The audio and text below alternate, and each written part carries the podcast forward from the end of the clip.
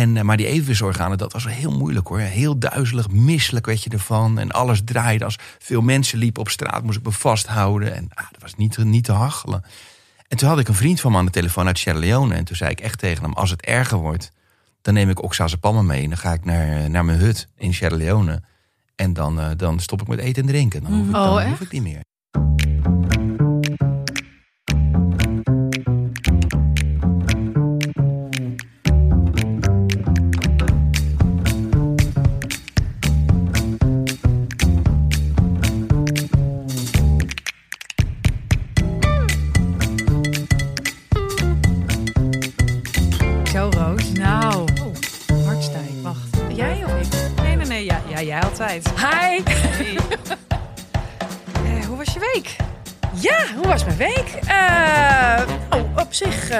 Ja, eh, ik was op vakantie.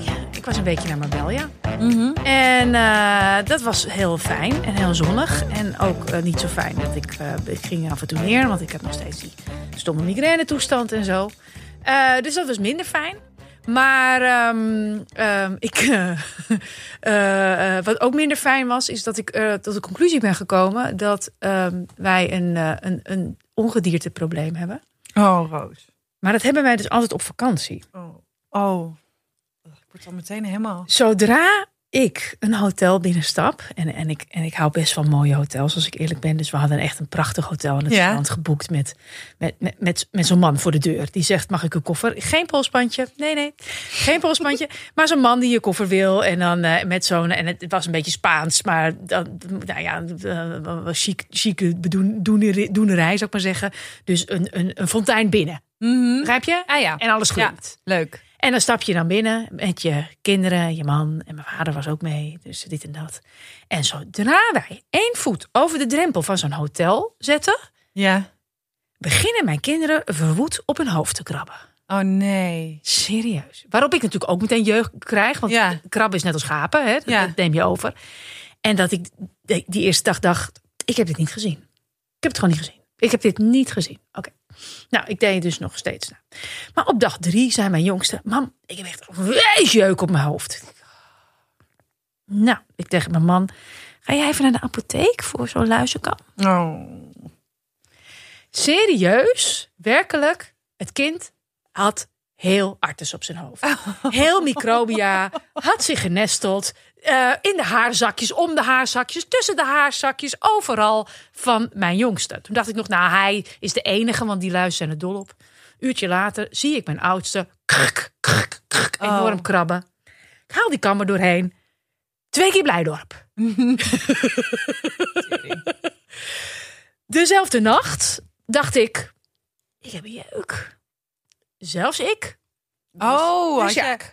Gadverdamme. En veel haar, hè? Ze houden van schone hoofden. dat is dus gelul. Ze houden van alles. Het maakt niet uit. Als het mijn familie maar is in een vijfsterrenhotel, daar houden ze heel erg van. Maar moest je dan niet... eh want is meestal moet je... Ja, maar meestal moet je dan toch ook al je kussen slopen en zo allemaal in de was Nee, nee, dat is, dat, dat, is, dat, is, dat is niet meer zo. De, de- de- vroeger dachten ze dat, maar dat schijnt onzin te zijn. Maar je Mhm. moet er gewoon nou, palm op gooien.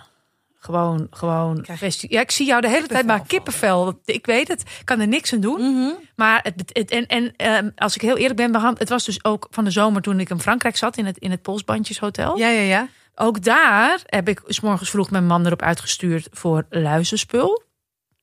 Dus toen stond ik daar in dat prachtige hotel in de badkamer met die troep Ach, op, de, op, op het hoofd van mijn jongste te rachen. En nu sta ik in, maar wel ja, verdorie, weer in zo'n mooi hotel. Dieren uit te moorden. En soms mag dat, mensen. Ik heb ze vermoord. Ze zijn weg. We kwamen terug in Amsterdam. Ik dacht, nou, ja, stel dat er nog wat zit voor de zekerheid. Maar nee hoor, in mijn eigen huis hoeven ze niet.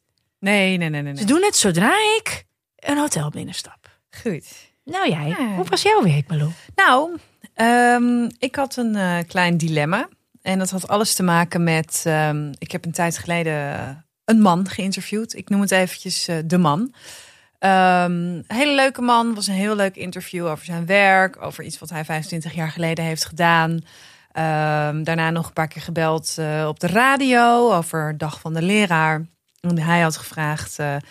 joh, ik eh, zou het heel leuk vinden om jou en je vriend eh, mee uit eten te nemen samen met mijn man. Uh, zullen we dat een keer doen? Ja, is goed. Ja, is goed.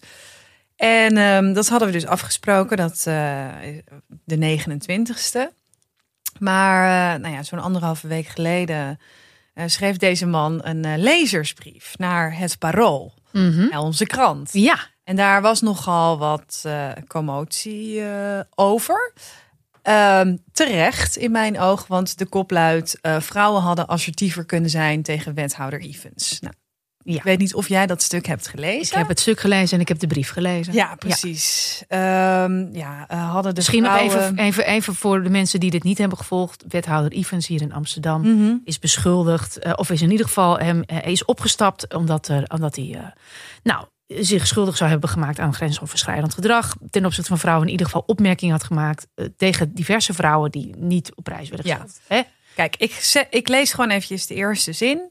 Ik ken Laurens Evans als een bescheiden, aardige en amicale man. Het tegendeel van een bullebak. En toch beschuldigen vele vrouwen hem van grensoverschrijdend gedrag. Ja, oké, sorry. Ik hoef dan in principe al niet meer eh, verder te lezen. Dus ehm, dat die werkrelatie die wij hadden... een eventuele vriendschap zou kunnen worden... dat, dat was natuurlijk meteen...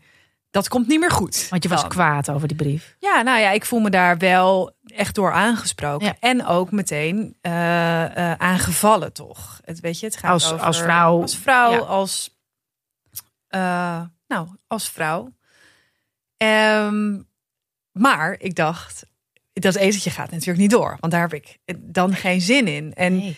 Ehm, maar ik vond het dus ook, was ook een dilemma met mezelf. Van ja, maar moet ik dan met hem in gesprek hierover? Ja. Maar ik dacht, nou, of ik zeg gewoon af. En dan ga ik daarna eh, hem ghosten. Ja, dan dat- reageer ik gewoon nooit meer. Gewoon een lulsmoes en daarna nooit meer Ja, toch? reageren. Losmoes En dan, en dan, Dat was eh, misschien dat. de makkelijkste optie. Ja, Ja. Of moet ik dus tegen hem zeggen, ik wil dat afzeggen. En ook waarom ik dat wilde afzeggen. Nou, ik vond het dus heel moeilijk. En toen ha- eh, was ik op een eh, verjaardag, of nee, op een eh, feestje van een vriendin, Meredith. En er waren allemaal andere journalisten van de Volkskrant. En allemaal hele sterke vrouwen. Ik zei, jongens, ik wil e- even jullie hulp. Dilemma, ja. Dilemma. Wat moet ik doen? Je moet het zeggen. Natuurlijk moet je het Ja. zeggen, want anders weet je wel. En ook omdat hij natuurlijk in die brief ook oproept. Ja, je- als vrouw kan je dat gewoon zeggen. Als je het niet. eh, Ja, dat, dat is waar in de brief ja. staat dus inderdaad ook van Ja. als jou iets niet aanstaat, dan moet je het gewoon zeggen en dan moet je niet gaan piepen achteraf. Ja. Zoiets eigenlijk. Ehm, dus ik heb het gezegd. Eh, ik heb eh, wel nog een, een glaasje champagne gedronken. Toen heb ik een, eh, een, eh, nou ja, een klein eh, bericht naar hem geschreven. Naar deze manier. Naar deze meneer. Ja. Ik heb gezegd dat, ehm, ja, dat ik me er niet meer prettig bij voel bij een etentje met hem. Eh, dat ik het graag hierbij wil laten. Dat Vanwege de brief. Vanwege de brief. En dat, ja, dat de brief mij, dat ik er echt erg van ontdaan ben. En eh, dat het mij ook heeft gekwetst. Ja. Ehm, en dat eh, gaf zo'n goed gevoel. Ik vind het ook wel stoer hoor.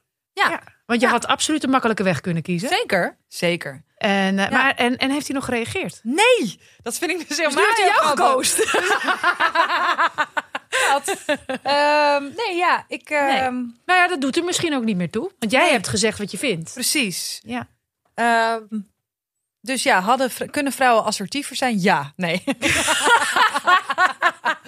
nee. Waarvan acte? Gelul, gelul. Maar goed, eh, ja, zo was mijn week eigenlijk. Ik ben er toch eh, lang mee bezig geweest. Ik heb er lang over nagedacht Ja, dat wat ik nou zijn, moest eh, doen. En soms heb je gewoon eh, eventjes nog drie of vier andere fantastische vrouwen nodig... om je dat ze een zetje te geven. En er daarna nog een glas op te drinken. Zo, fuck jullie, weet je wel. Zo, een beetje dat. Lekker. ja. Ja.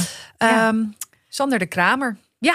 Eh, eh, oorlogsjournalist. Ja, eh, onder meer. Hè. Ook ook eigenlijk wel. Schrijver. hij is schrijver natuurlijk. Hij is, hij, is, hij is journalist. Hij presenteerde de wandeling. Mhm. Ehm, en hij doet veel goeds in Afrika. Al een hele tijd. Hij wordt daar ook Chief Oude Dibbes genoemd. Ja. En nou ja, Sander komt bij ons vertellen over een moment in zijn leven dat hij dacht dat het nooit meer goed kwam. Ja, ik ben hier heel erg van geschrokken. Dat ga je ook zo meteen horen. Ehm, dus nou ja, schrik niet van dat ik heel erg schrik. ja, Ja. Weet je, wel de rust zelf, hè? Natuurlijk, joh. Eh, nee, het is, het is, wij weten dus nooit wat er, wat er verteld wordt. En eh, inderdaad, eh, opeens denk je, hé, ga je dit nou vertellen? ik schrok ook om um, duidelijke redenen. En ook dat blijkt wel uit de podcast. Ehm, jullie kunnen luisteren naar Sander.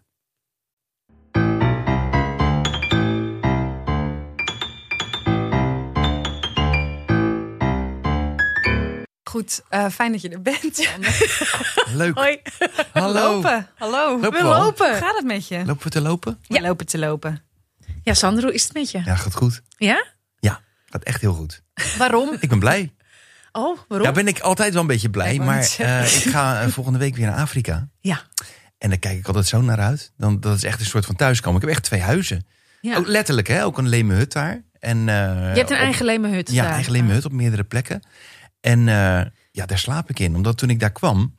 En als journalist in 2007 ben ik al voor het eerst in Sierra Leone terechtgekomen. Ja. En eh, toen was het uitgeroepen tot slechtste plek op de wereld. Dus ik ging als journalist een reportage maken over de slechtste plek op de wereld. Toen heeft iemand me meegenomen naar de diamantmijnen. Die zei van, als je dit ziet, dan ga je pas echt iets opschrijven wat, wat zoden aan de dijk zet. Ja. En toen zei ik van, nou, ik ga met je mee. En toen kwam ik in de diamantmijnen. Er stonden allemaal kinderen van vijf, zes, zeven jaar jong.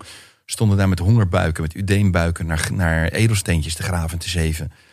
En dacht wat is hier gebeurd? Toen zeiden ze van, nou, dit is het epicentrum van de oorlog. Hier is die krankzinnige oorlog van Sierra Leone omgegaan om de diamanten. Ik zei, ja, maar wat doen die kinderen erin? De, de oorlog is voorbij. Toen zeiden ze, ja, de rebellen zijn hier van huis naar huis getrokken. Die hebben de, de ouders doodgeschoten. Kinderen vanaf vijf jaar gestolen en gerecruiteerd als kindsoldaat. Gewoon kindsoldaten van gemaakt. En de baby's, daar konden ze niks mee. Die hebben ze in brandende huizen achtergelaten.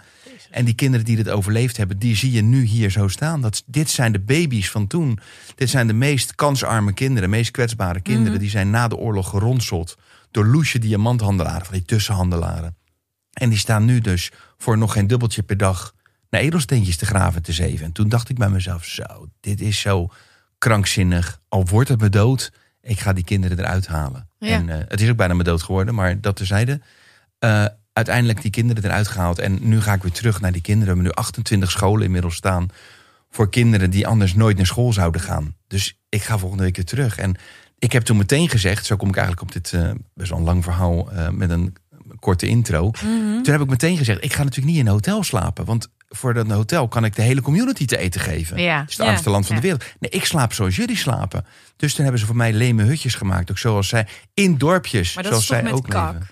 Wat zei je? Dat is toch met kak maken ze dat? Met leem. Ja, wat is Nee, leem? dit, dit is echt. Dit is echt ja, en- nee, nee, dit is echt ehm, eh, een soort modder. Ze maken dit van modderblokken. Letterlijk matblocks noemen ze het ook. En Oh. eh, ja, jij bedoelt met koeienpoep. Ja, toch, Ja, daar er wordt het ook van gemaakt. wel gewoon kak in, toch? In dat Zo vast wel. Een beetje, beetje kak Ja, ja, altijd. een beetje altijd kak. Prima, joh. Ja, maar gewoon wel even duidelijk hebben of er kak in zit. Oh, het is met Maar het is best spannend hè. Als je daar slaapt. Ik neem dan mensen mee. En eh, dan zeg ik, we slapen wel in een leme hut. Nou, Ja. Geen probleem, juist leuk. Mhm. Ja. Dus toen dacht ik van, hé, hey, ze vinden het zo leuk om te doen. Weet je wat, we gaan er een... eh dan komt een beetje mijn vader in mijn boom. Mijn moeder is super idealistisch. Die heeft echt... Toen ik acht jaar jong was, toen nam ze me al mee naar een demonstratie voor indianen die van een land gejaagd werden. Omdat er dure mineralen in de grond waren gevonden. Echt zo, Recht zo die gaat, weet je wel. Eh, we, gaan, we gaan in staking. En eh, mijn vader, dat is juist echt een eh, zakenman. Altijd eh, Ja. in de top bij Douwe Egberts gezeten. En, en hij heeft juist altijd van, jongen, denk aan je toekomst, weet je wel. Zo. Ja. En, en toen kwam wel een beetje degene van mijn vader boven. Ik zei van, hé, hey, ze willen zo graag in die leme hut slapen. Ik ga een, een basispakket aanbieden voor, voor zakenmensen. Daar betalen ze 7.500 euro. Mogen ze met mij mee naar de mooiste plek op de wereld. Het is ook wel een van, de, mm, van de armste plekken, maar ook een van de mooiste plekken. Midden in de jungle. Nou, een soort Amazonegebied. Daar slapen we in een leme hut. Als je dorst hebt, daar is de kokosnoot. Als je wil douchen, tuurlijk, daar is de rivier. En eh, eten gestampte cassavebladeren. En dan gaan we dus helemaal terug naar de basis. Ze slapen in de leme hut. En dat doen we onder het motto, het kost de patiënten, maar daar heb je ook niks. Dan heb ik niks. Ja, Ja. precies. En daarvan bouwen wij dus die scholen. Hey, en dat hoe- is ja, hoe- fantastisch. hoe- hoeveel van die, eh, van die zakenmannen draai jij zo een poot uit? Nou, ik probeer elke, elk jaar wel een reis te doen met 14 mensen. Oh, jawel. Ja. Ja, en dan heb ik er 14 top. mee. En Ja. dan slapen we tussen de chimpansees ook. En eh, ja, ze vinden dat te gek. Dus dan pak je een ton Ja. ongeveer, toch? Voor het goede doel. Ja, voor het goede doel. Dat is toch heel goed? Dat is heel duidelijk bij ons. Ik geloof alleen maar in vrijwilligerswerk dat die het verschil maken in Afrika. Dus niet NGO's waar eh, de directeur veel op verdient en ook mensen veel verdienen. Want die maken nooit die klik die ik wel maak met de samenleving daar. Mensen die vertrouwen mij, die zeggen van jij bent heel anders. Want eh, jij verdient er niks aan. Jij doet gewoon echt dit uit je hart. En dan maak je het verschil. Want dan weten de mensen van dit is iemand die komt echt om ons te helpen. En Ja. niet omdat het een businessmodel is ook. Omdat het een, eh, een salaris oplevert van, eh, van, van dik eh 6000 dollar of Ja. zo. Nee. Ja. Nou, tot zover hoe het met je gaat. Ja, dat gaat wel goed eigenlijk. Ja. Ik ga volgende week weer terug naar mijn leme hut. je gaat, En waar weet je wie ik meeneem? eigenlijk? Ja, ik ben nu, dat schrikt niet hè. Ik ben 137 keer in Afrika geweest. Ja, En eh, waarvan 51 keer in Sierra Leone. ja, ja. Bizar hè. Maar ja, als je er eenmaal instapt. Het is, kijk, de ene die begint een, een hobbytuintje. Hè, Ja. Of een- zo'n eh, zo'n tuinhuisje. En de andere begint als hobby, eh, die neemt Afrika op zijn schouders. Nou, die laatste ben ik. Ja, joh, iemand moet het doen. Iemand moet het doen. Ja, ik bedank voor dat tuinhuisje ook hoor. Ik, Heb je een tuinhuisje? ook. Nee, joh. Oh, wat leuk. Nee, joh, doe, Nee, doe dan nee. maar Afrika. Nee, doe dan ja. ja, Kaapstad of zo. Een leuk, leuk appartementje aan de kust. Nee, in de kak jij. Maar Ja, mag ik wel nog eventjes voor mijn beeld. Eh, je stapt de drempel over in jouw leme hutje. Wat zie ik dan? Nou, dat is best spannend af en toe. Eh, zeker als je even niet geweest bent, dan, eh, dan zitten er soms. Ik heb het laatst heb ik het gehad, dus zat er serieus zo'n spin, echt zo groot als een, als een watermeloen. Die zat boven mijn bed. Dus ik belde naar huis. Ik zeg, Wen, kan je even googlen? Het is een bruine spin met zwarte stippen. Hij is echt huge. Ja. En toen, toen keek ze, zat ze te googlen waar ik bij was. En dus ik vanuit die leme hut, ja, zo en zo een beetje die spin beschrijven. Toen zei ze, ja, ik kan niet zien of die dodelijk is of giftig. Maar ik zie wel, als er één is, dan zitten er altijd twee.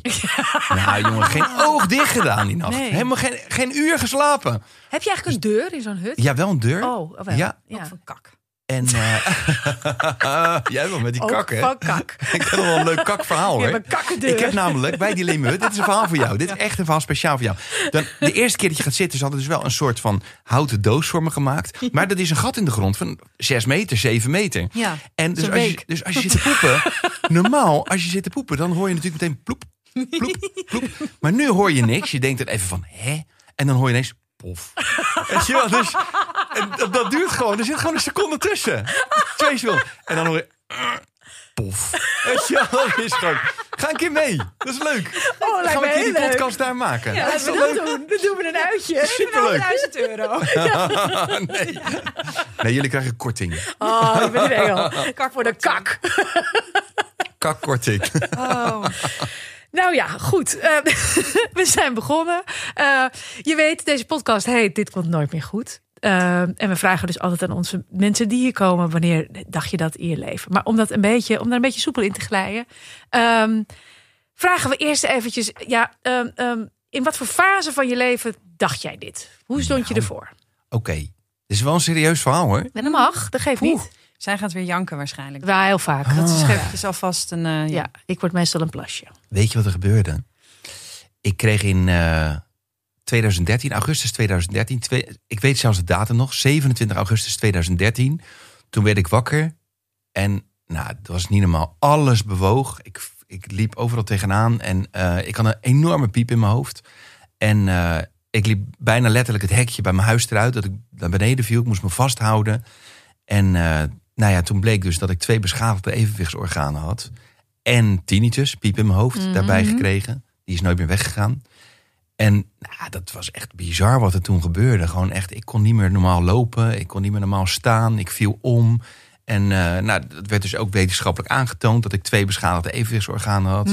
50% beschadigd, zou misschien nooit meer goed komen. Eh, Hield daar maar rekening mee, zeiden de dokters ook.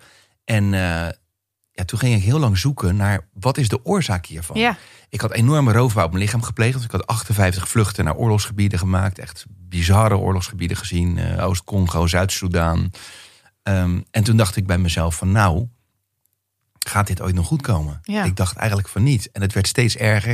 En toen op een gegeven moment stuurde iemand mij een, een filmpje toe. En die zei van ja, ik heb het een beetje zitten bekijken. En een beetje zitten googelen. Wat je natuurlijk nooit moet doen.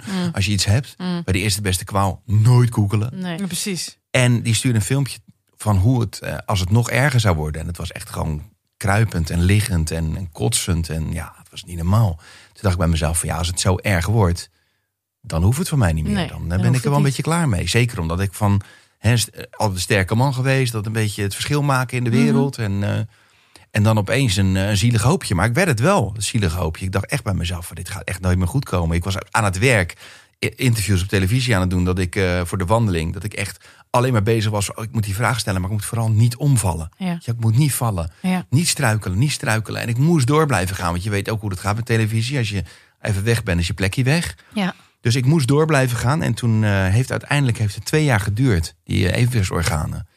En ik heb ook, eh naar die piep, die is altijd gebleven. Dus ik heb altijd wel een piep in mijn hoofd. Maar goed, daar leer je ook wel op een gegeven moment leven. Dat wordt een soort houten poot. Van als je lang genoeg wacht, dan wordt het ook wel een soort van... Oké, nou ja, het is nou eenmaal Mhm.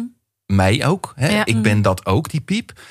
En, eh, maar die evenwichtsorganen, dat was heel moeilijk hoor. Heel duizelig, misselijk werd je ervan. En alles draaide. Als veel mensen liepen op straat, moest ik me vasthouden. En ah, dat was niet, niet te hachelen. En toen had ik een vriend van me aan de telefoon uit Sierra Leone. En toen zei ik echt tegen hem, als het erger wordt... dan neem ik oxazepam mee. En dan ga ik naar, naar mijn hut in Sierra Leone.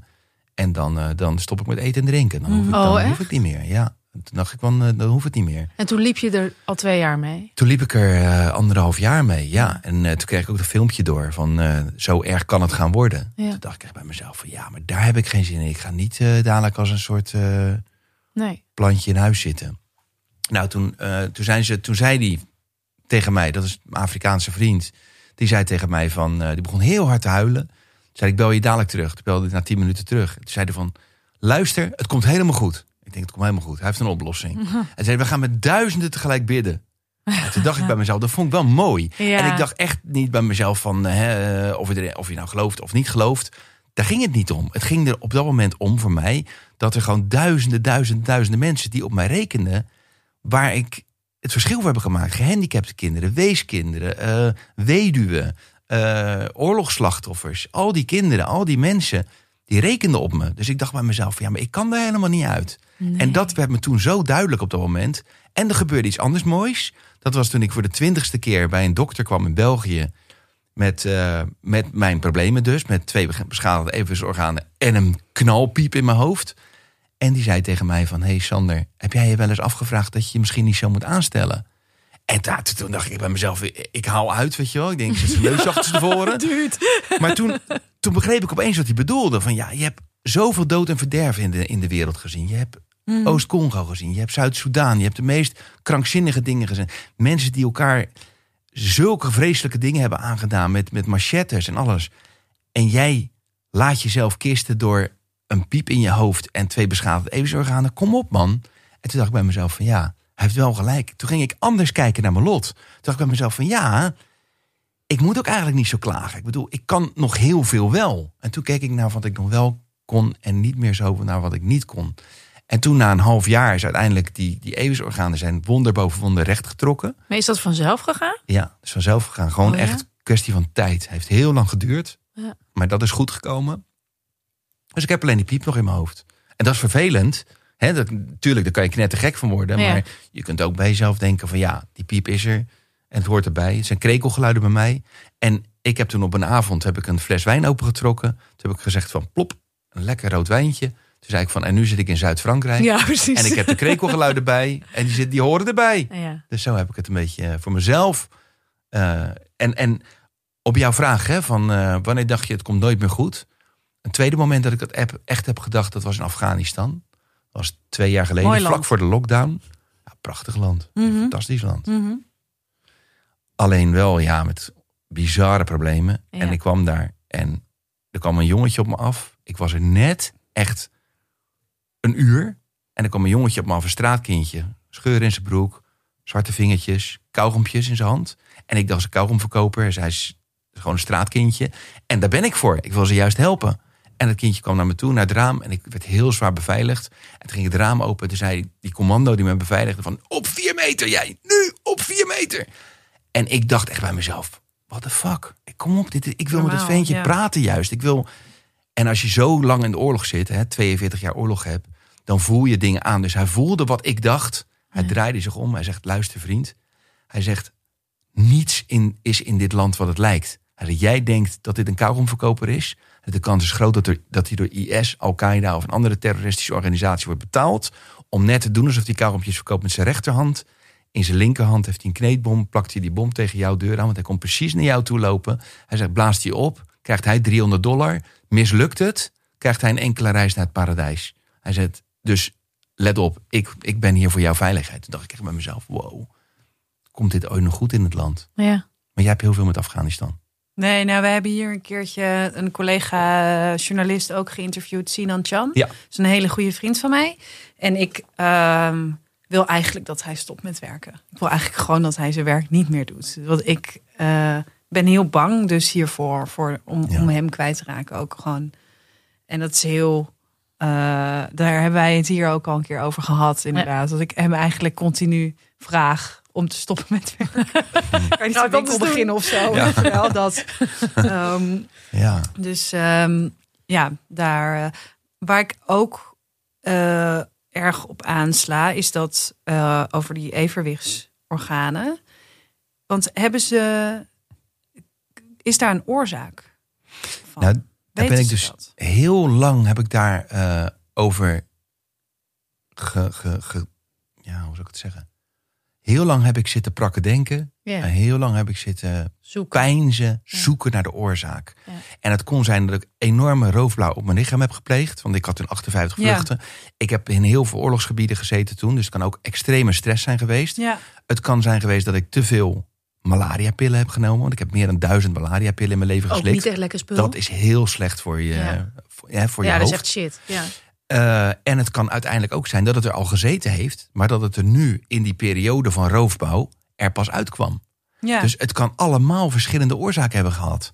Maar heb je toen je daar zo naar op zoek was, eh, je, je, je bent al heel snel natuurlijk ook, je komt al heel snel tot de conclusie, ik heb best wel heel veel gedaan in mijn leven en Ja. best wel heftige dingen. Ja, Heb je daar een spijt van gehad?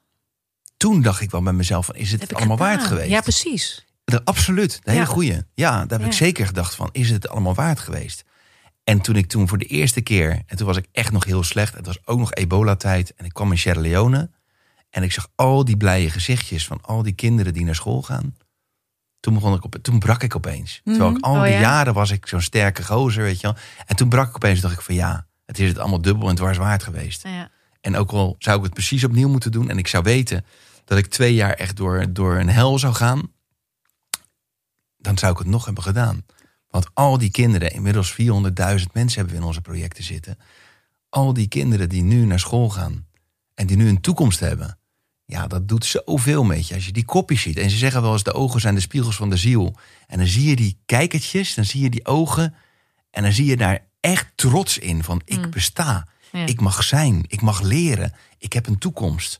48 meiden die examen hebben gedaan. Alle 48 geslaagd. Ja, dat is niet zomaar. Dat is omdat we ze een toekomst hebben gegeven. En omdat ze die met beide handen aanpakken. Sterker nog, dag en nacht studeren. Omdat ze dokter willen worden. En waarom willen ze dokter worden? Omdat ze zelf eh, nu mensen willen helpen, kinderen willen helpen, die in dezelfde situatie zitten als waarin zij ooit hebben gezeten. Ja, dat is waanzinnig mooi, joh. Dat is, eh, En toen heb ik, ben ik ook gestopt met me de vraag stellen: wat is de oorzaak? Ja. Hoe kom ik aan die piep? Hoe kom ik aan die evenwichtsorganen? Nee, het is er en accepteer het als een onderdeel van je zijn. En dan ben je eigenlijk ben je dan 99,9% van je probleem kwijt. Ik zou je een mooi verhaal vertellen van Salomon Kanou. Met een N, niet Salomon Kalou, de beroemde voetballer, maar Salomon Kanou. Maar wat ze gemeen hebben is dat ze allebei heel erg van voetbal houden. En Salomon, dat was een oorlogsslachtoffer. Hij werd eh, op een kwaaie dag tijdens de oorlog werd hij naar het hakblok getrokken door de rebellen. En hij moest kiezen tussen, nou gewoon echt zijn arm werd afgeslagen. En dan moesten ze kiezen tussen een long sleeve en een short sleeve. Dus ze moesten echt letterlijk tussen een korte mouw en een lange mouw kiezen. En dat moesten ze in een split second besluiten. En uiteindelijk werd dus zijn arm afgeslagen.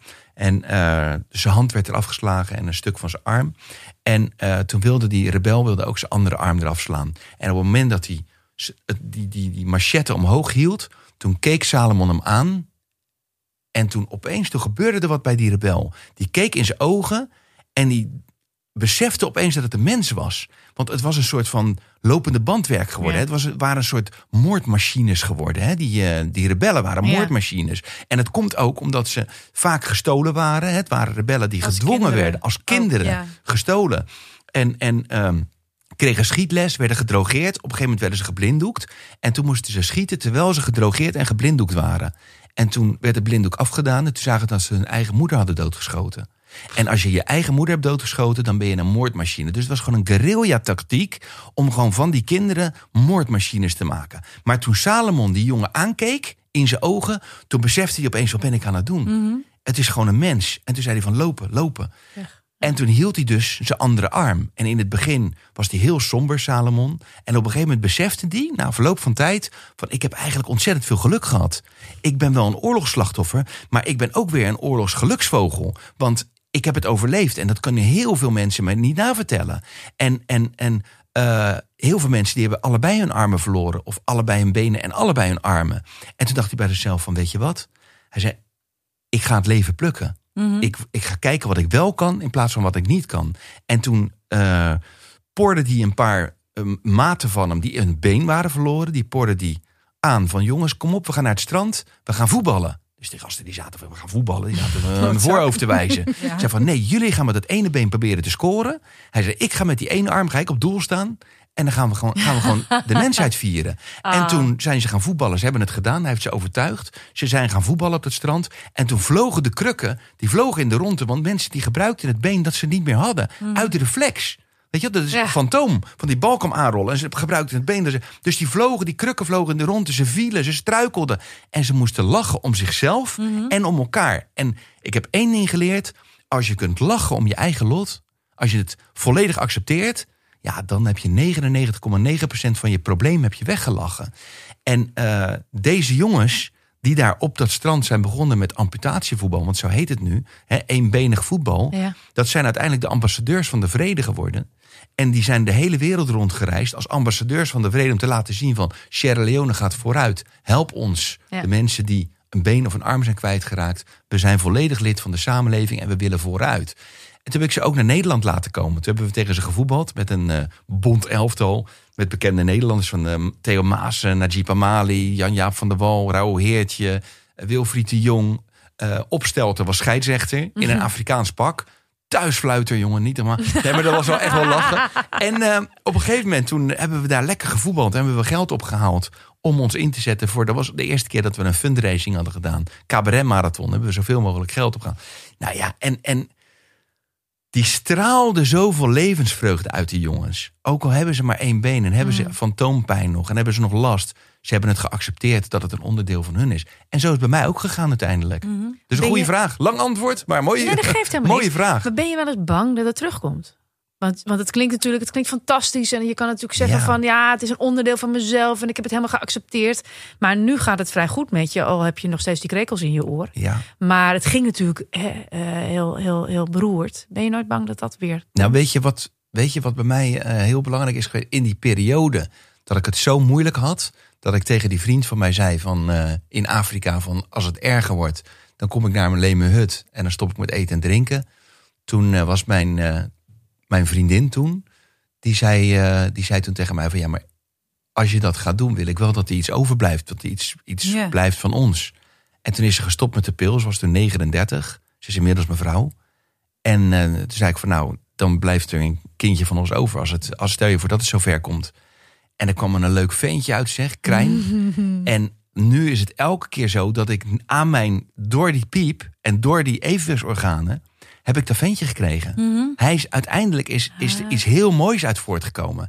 En zo heb ik het uiteindelijk ook een plek kunnen geven van oké, er zijn heel veel mensen die op me rekenen, dus ik moet er blijven zijn voor die mensen. En tegelijk kan ik kijken, zie ik elke dag zie ik de ventje stralen. Nou, er zit geen kwaad in. Het is echt Joris Goedbloed, dat ventje. En, en, en heeft hij eigenlijk een, een, een andere eh, invulling gegeven aan heel dat negatieve. Dus ik ben niet meer bang, want ik heb iets waanzinnig moois ervoor teruggekregen. En als het weer komt, dan denk, Ja. heb je het vertrouwen dat daar, dat, dat Kan je nog- ook weer goed komt. Nog voorstellen dat je je ooit nog een keer zo zou kunnen voelen. Nou, ik let wel meer op mezelf. Ik eh, Mhm. zeg ook wel nee af en toe tegen mensen. Dat ik Ja. zeg van nee, ik ga dat niet doen. Want als je alleen maar in een soort van... Nou ja, jullie herkennen dat toch ook wel. Dat je alleen maar... eh, Dat heel veel aan je getrokken wordt. Je bent alleen maar bezig met oké, dat. Tuurlijk Ja. doe ik dat ook hartstikke leuk. Dat is ook hartstikke leuk. Ja, dat moet gebeuren. Want dat is belangrijk dat we naar Zuid-Soedan gaan om, eh, om daar ook mensen te helpen. En daar moeten we ook naartoe om mensen te helpen. En op een gegeven moment dat je jezelf zo eh, wegcijfert en dat je zoveel roofbouw op je lichaam pleegt dat je op een gegeven moment gewoon neervalt. Want dat is het uiteindelijk denk ik wel Mhm. gebeurd.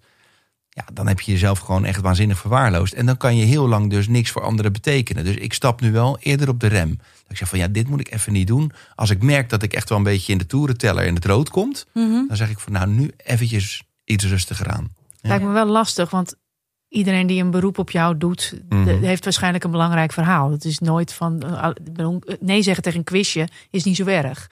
Maar nee zeggen tegen zoveel kindsoldaten in weet Ja. ik veel is wel heel lastig. Dat klopt, maar ehm, dan is er altijd nog de piep in je hoofd die op het moment dat die harder wordt, dat is eigenlijk je raadgever. Dat is eigenlijk Mhm. een beetje je temperatuurmeter geworden. Dat is gewoon is een je thermometer geworden, ja, je alarm Ja. geworden, je antenne geworden.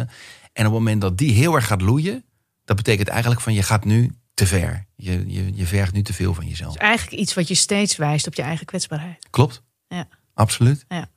Ik zou heel graag nog iets willen vragen. En ik, misschien moet ik even zeggen waarom. Ehm, ik heb een vriend. eh, nou, het was mijn vriend vroeger. En die kreeg ook last van zijn evenwichtsorganen. En dat werd ook steeds maar erger. Het begon een beetje na dat we terug waren van Lowlands. En dat we, nou, niet echt, dat we ons niet heel erg oké voelden. Dat had wel, eh, nou, een reden. Want we waren best wel eh, hard gegaan daar Mhm.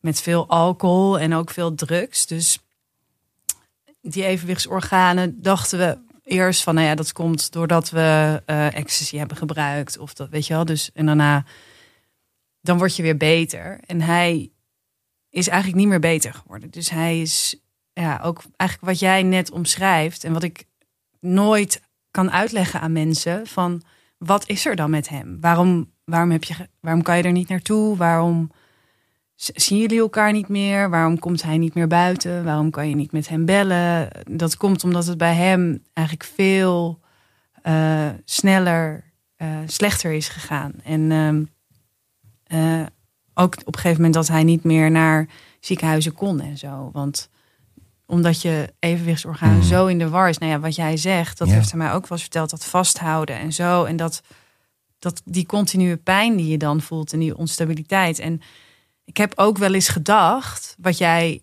zei, van eh, eh, misschien stel je je aan, weet je wel, dacht ik, oh, maar wat nou als je dus, wat nou als je nou gewoon gaat slapen en je zet een wekker voor morgen? En dan ga je gewoon je bed uit en dan doe je alsof het er niet is, weet je wel, zou dat dan werken? Of, eh, ehm, en dat werkt natuurlijk helemaal niet, omdat hij heeft het best wel erger eh, gehad. En wat ik best wel waar ik heel erg van schrok. Wat jij zegt van als dit zo doorgaat, dan weet ik niet. Dan was ik naar mijn, hutje gegaan Mhm. en eh, was gestopt met eten en drinken. Hij zit ook al nu ja, zeven jaar in zijn huis. Eh, en heb ik hem niet gezien. Dus daarom sla ik daar misschien nu heel erg op aan. En wil ik heel graag weten: is dit zomaar overgegaan van het een of het andere op het andere moment? Kan dat dan? Nou, het is niet van het een op het andere moment gegaan. Maar het is wel gegaan op het moment dat ik het accepteerde. Ja. Van oké, dan ben ik niet meer de Sander die ik toen was. Dat moet ik Mhm. accepteren. Ik kan nu minder hard rennen. Ik kan nu minder hard lopen.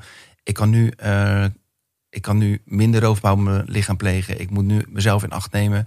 Misschien dat het eh, ook nooit meer wordt zoals ik ooit Ja. was. Maar dan heb ik daar vrede mee. Mhm. Want eh, ik ben nu ook goed. En ik mag ook zijn Ja. zoals ik nu ben. En op het moment dat ik dat ging accepteren, ging het eigenlijk langzaam stukje bij beetje. Het, ik denk dat het ook wel heel veel te maken heeft met dat je je heel erg verzet. Hè? Mhm. op het Heel moment erg. dat je zo'n last hebt van je evensorganen en je, en je accepteert het niet. En je gaat je enorm verzetten tegen.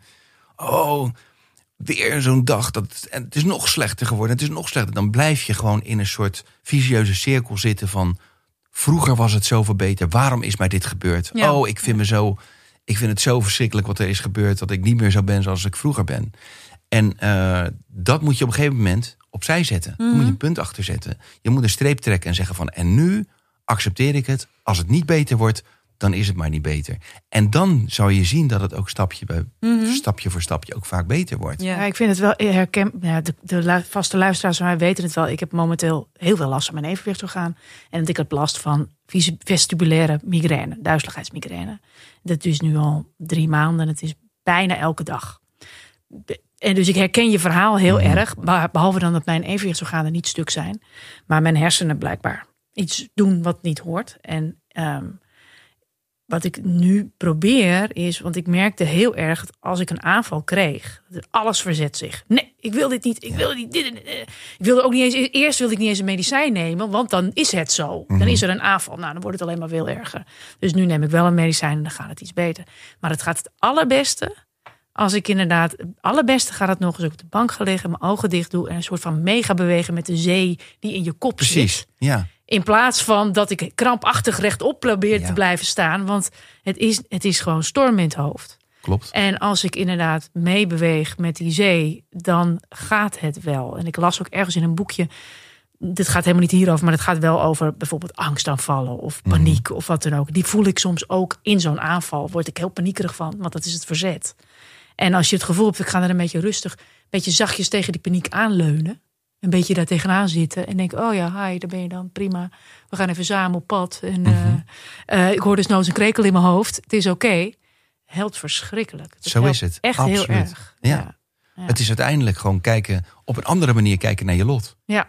ja, het verzet is echt wel Ja. een, een, een, een- Verzet is echt een killer. Ja. Ja. Want die, die dokters, ik heb natuurlijk heel veel dokters in die tijd gesproken. Die zeiden ook van het maakt niet uit hoe hard die, dat geluid is bijvoorbeeld in je hoofd. Weet je, als je het hebt, hebben, hebben over tinnitus. Ja. Het maakt niet uit hoe hard het geluid is. Want de ene wordt gek van een paar decibel.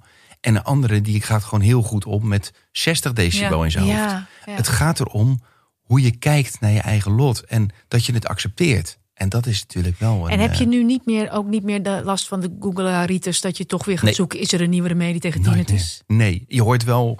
Er zijn wel heel veel boefjes, hè? ook eh, gewoon echt grote bedrijven... Ja. eh, die dan zeggen van we hebben de oplossing, we zijn heel dichtbij. Wemelt het van. Er gaan heel veel mensen die krijgen dan hoop. En die Ja. denken van, oh, weet je wel, er gaat wat gebeuren. En dat deed ik in het begin ook nog. Ja, ja, ik ga vooraan staan als er een oplossing voor is. Mhm. En weet je wat mij ook heel erg heeft geholpen? Dat heel veel mensen het hebben. Ja. En je bent niet alleen. Dat Nee. is ook zo belangrijk. Je bent niet alleen in dit verhaal. En op het moment dat ik met het boek toen uit ben gekomen en ik heb daarover verteld, toen kwamen er ook mensen die dan tegen mij opeens zeiden: Jij hebt het ook, hè? Ja. Wat heb ik ook? Ja, je hebt ook een piep in je hoofd. Je, je hebt ook evenwichtsorganen. Het zegt eigenlijk een beetje het gesprek wat we nu. Mhm. Ja, ja, zeker. Ja, ja. En dan zei je ook weer van ja, bizar joh. Wilfred Gené, onwijs, onwijze piep in zijn hoofd. Weet je, Oh, terwijl die toch moet presenteren en dan belde hij wel eens op. En dan zei hij van joh, ik heb echt zo'n last van die, eh, die piep in mijn hoofd. Hoe is het met jou? Ik zei van nou ja, ook wel, maar kijk eens. En even een goed gesprek, elkaar een beetje oppeppen. Hartstikke goed. Ja. En zo merk je, ja, een beetje tegen elkaar piepen. Ja. Nee, maar het is ook belangrijk. Hè? Ja. Humor als overlevingsinstrument, super essentieel. Super belangrijk. Ja, ik ben heel blij om. Nou, ja, dat klinkt misschien stom, maar ik ben ook blij om te horen dat het dus eh, ook over kan gaan. Mhm. Ehm, ja, dat. Ik schrok er een beetje van wat je zei, omdat ik niemand, nou ja, waar we het nu over hebben, ik ken niemand die dat zo heeft en zich ook echt zo heeft gevoeld. En Ja. zich dus echt ook moest afzonderen en opsluiten en zo.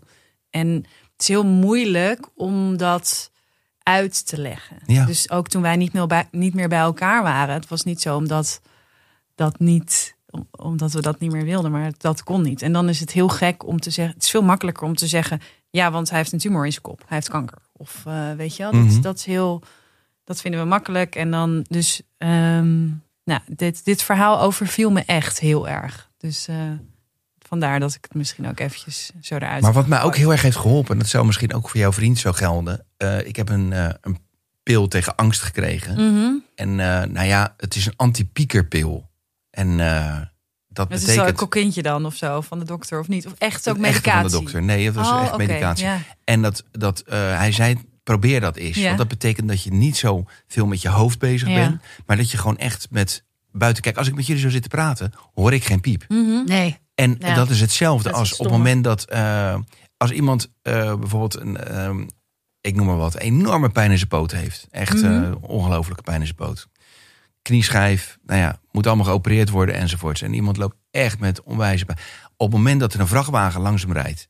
en die doet het ineens, weet je wel... want je, je schrikt ervan, Ja. heb je geen pijn in je poot op dat Nee, moment. Want dan ben je helemaal met van nee, je ja. overlevingsinstinct... Ja. van oh, ik moet niet doodgereden worden door die Ja, vrachtwagen. ga je daarop rennen hoor. Ja. Dus er is altijd, zijn er dus op het moment dat je ehm, gaat, niet gaat piekeren, Mhm. Dan gaat het de goede kant op. En die pil heeft mij wel geholpen. Oh. Weet je, want ik was toen niet meer zo met mijn hoofd bezig, maar veel meer met dingen om me heen. Van, oh, kijk, nou is die brug gaat open. Kijk, nou is hè, met dit gesprek. Welke pil is dat?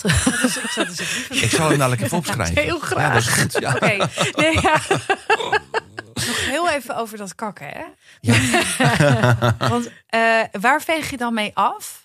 Nou, zij doet met water, hè? Oh, jij ja, doe met jij? gewoon. Nee, ik heb wel Ja. wc-papier. Doe je wel, neem je wel mee. Ja, ja. neem ik al mee. Ja, altijd een paar toiletrollen in de tas. Nee, dit is belangrijk. Het zijn uiteindelijk toch de het Maar daar Ja. natuurlijk hebben ze geen geld voor wc-papier. Doen ze het met water. En Ja. daarom hebben ze ook de onreine hand en de reine hand. Ja. Zo met links vegen ze Mhm. af. Dat doen ze wel met veel water. Dus op Ja. zich is het niet heel vies. Het is natuurlijk hetzelfde als dat wij daarna een douche mijn, nemen. ik- Indische familie staan gewoon flessen naast Precies, de play, hoor. ja, Dus zo is het. Ja, Chebok. heet het heet zo? dat? Ja, een chebok. Nou, daar heet het volgens mij eh, bottle of water. Ja. Nou, bedankt voor dit lesje. mooi, hè? mooi. Ze spreken, het is een Engelse kolonie geweest. En eh, dat weten weinig mensen. Maar er is daar, de cryotalen komen echt omdat de, na, de nazaten van de slaven... toen ze teruggingen naar hun moederland... eh, toen konden ze niet meer communiceren met de familie. Want ze, ze spraken Engels, Amerikaans, Frans. En toen hebben ze een soort fonetisch, heel basistaal... hebben ze toen gemaakt... Eh, een mengelmoesje, da- daarom ook cryo, tussen Engels, Frans en inheemse talen. Ja. Dus daar ook in, eh, in, in Sierra Leone pakte ik het heel snel op. Ze zeggen bijvoorbeeld van, eh, hoe is het met je? Dan zeggen ze, hou die body. Hoe is het met je lichaam? Hou die Ja. body, hou die body. Maar ze bijvoorbeeld zeggen van, heel erg veel dank. Beaucoup, thank you. Weet je? En het is beaucoup, B-O-K-U. Beaucoup, Ja. beaucoup, thank you. Maar ze zeggen bijvoorbeeld, eh I know die go waka waka today. I know die go waka waka, walker, walker. Ja. Ik ga vandaag niet reizen. I know die go waka waka today. I de stena os. Ik, Ik blijf blijf thuis. thuis. En dat is weer straattaal ook. Osso, weet je wel? Ossa. En dat is... En dit pak je zo op. Dat pak je zo Het is op. ook als je een keer zo gereinigd bent, moet je voor je grap je iPhone een keer op Zuid-Afrikaans. Ja, fantastisch. Nou, maar. Nee, heerlijk, heerlijk. maar wat je dus krijgt met, met eh, daar van water, weet je, een fles water is dus inderdaad watta. Watta, Watta watta. de. Zij Ja. zeggen kol watta de. Koud water is er. Ja. De, de is koud water. Ja. Cold. Fantastisch. Ja. Bizar, hè? heel leuk. En, en hoe zeg je, eh, eh, eh, we zijn aan het einde gekomen? Van dit komt nooit meer goed.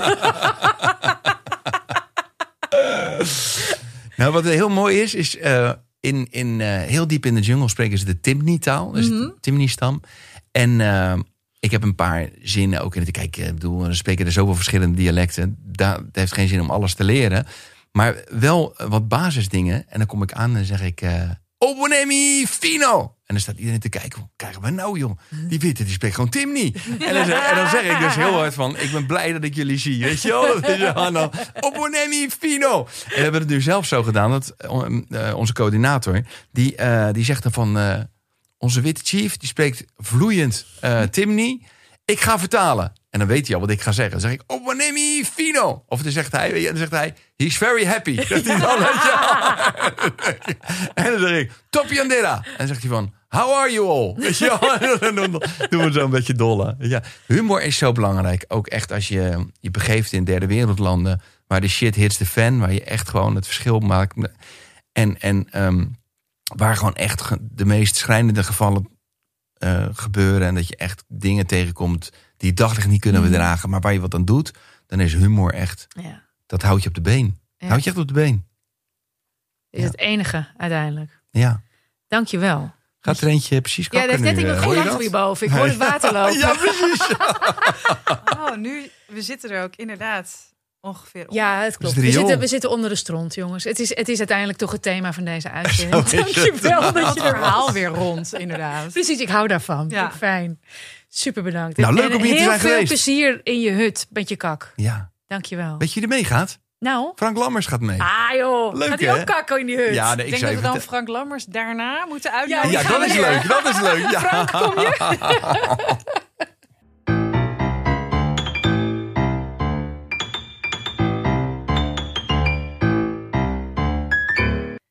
Zo, Roos. Ja, jeetje. Ja, godverdomme. Maar het is ook zo raar dat ik het nu elke week met mensen over evenwicht heb. Mhm. Wat is dit?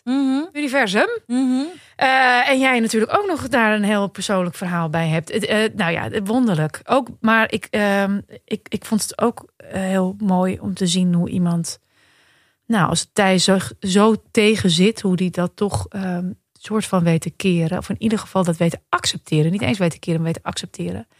En ik geloof ook echt dat hij dat heeft gedaan. Ja. Want soms lullen mensen wel. Van ik heb het helemaal geaccepteerd, maar intussen zie je toch dat iemand heel Ja, precies. is.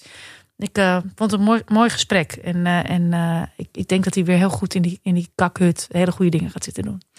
Volgende week, Ja. dan hoor je hier het verhaal van ofwel Splinters en Bot, ofwel Ja. Peter Heerschop. Ja. Want wij zijn aanstaande maandag, staan wij in De Kleine Comedie. Met Live. Dit komt nooit meer goed. Ja. Je kan er nog bij zijn. Er zijn wel veel kaarten verkocht. ja, je kan er misschien nog net bij zijn. ik, schiet- ik schijt nu al in mijn broek. Ja, het is, Ik vind het doodeng. ja, ik vind het heel publiek.